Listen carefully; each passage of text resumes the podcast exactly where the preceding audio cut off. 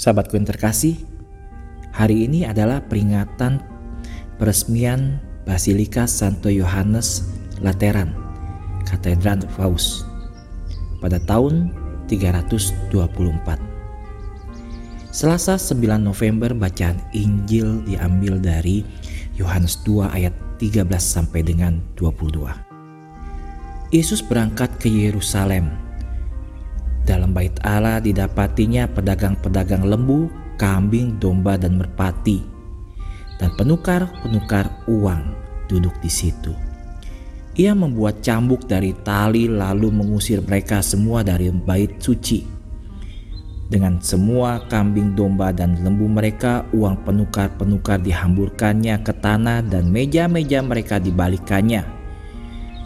Kepada pedagang-pedagang merpati ia berkata, Ambil semuanya ini dari sini, jangan kamu membuat rumah Bapakku menjadi tempat berjualan.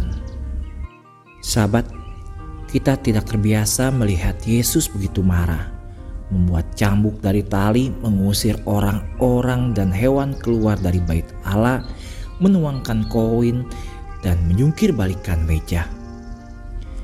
Yesus yang sabar dan penuh kasih dengan semua orang termasuk orang berdosa. Pada hari itu dia marah karena kurangnya rasa hormat kepada Tuhan di bait sucinya sendiri. Coba sahabat bayangkan pergi ke bioskop dan mempersiapkan diri sahabat dengan popcorn dan minuman bersoda tetapi tanpa benar-benar menonton filmnya, hanya menikmati makanan yang sahabat bawa. Itulah yang terjadi ketika orang-orang datang ke bait Allah tetapi tidak memperdulikan Tuhan. Bahkan beberapa dari mereka pergi ke gereja hanya berbicara dengan semua orang yang mereka temui, tapi dia lupa untuk berbicara dengan Tuhan. Beberapa orang lupa bahwa rumah Tuhan adalah rumah doa. Tuhan benar-benar hadir di gereja-gereja kita.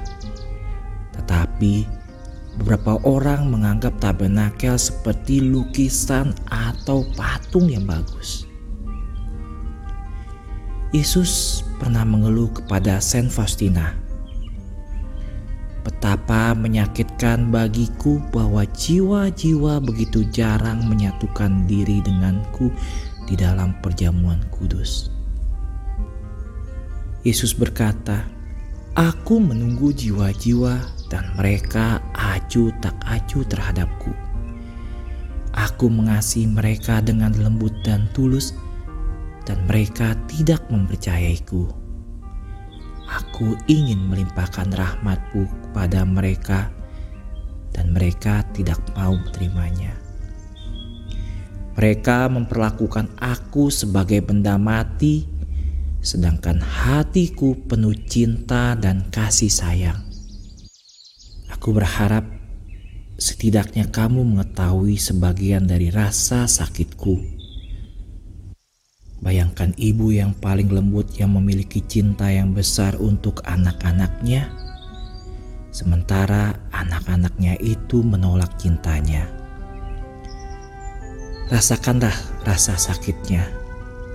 Tidak ada yang dalam posisi untuk menghiburnya. Ini adalah gambaran dan rupa dari cinta. Maria, rumah emas Semoga aku selalu menghibur putramu di tabernakel. Selama misa kudus dengan kehadiranku dan doaku.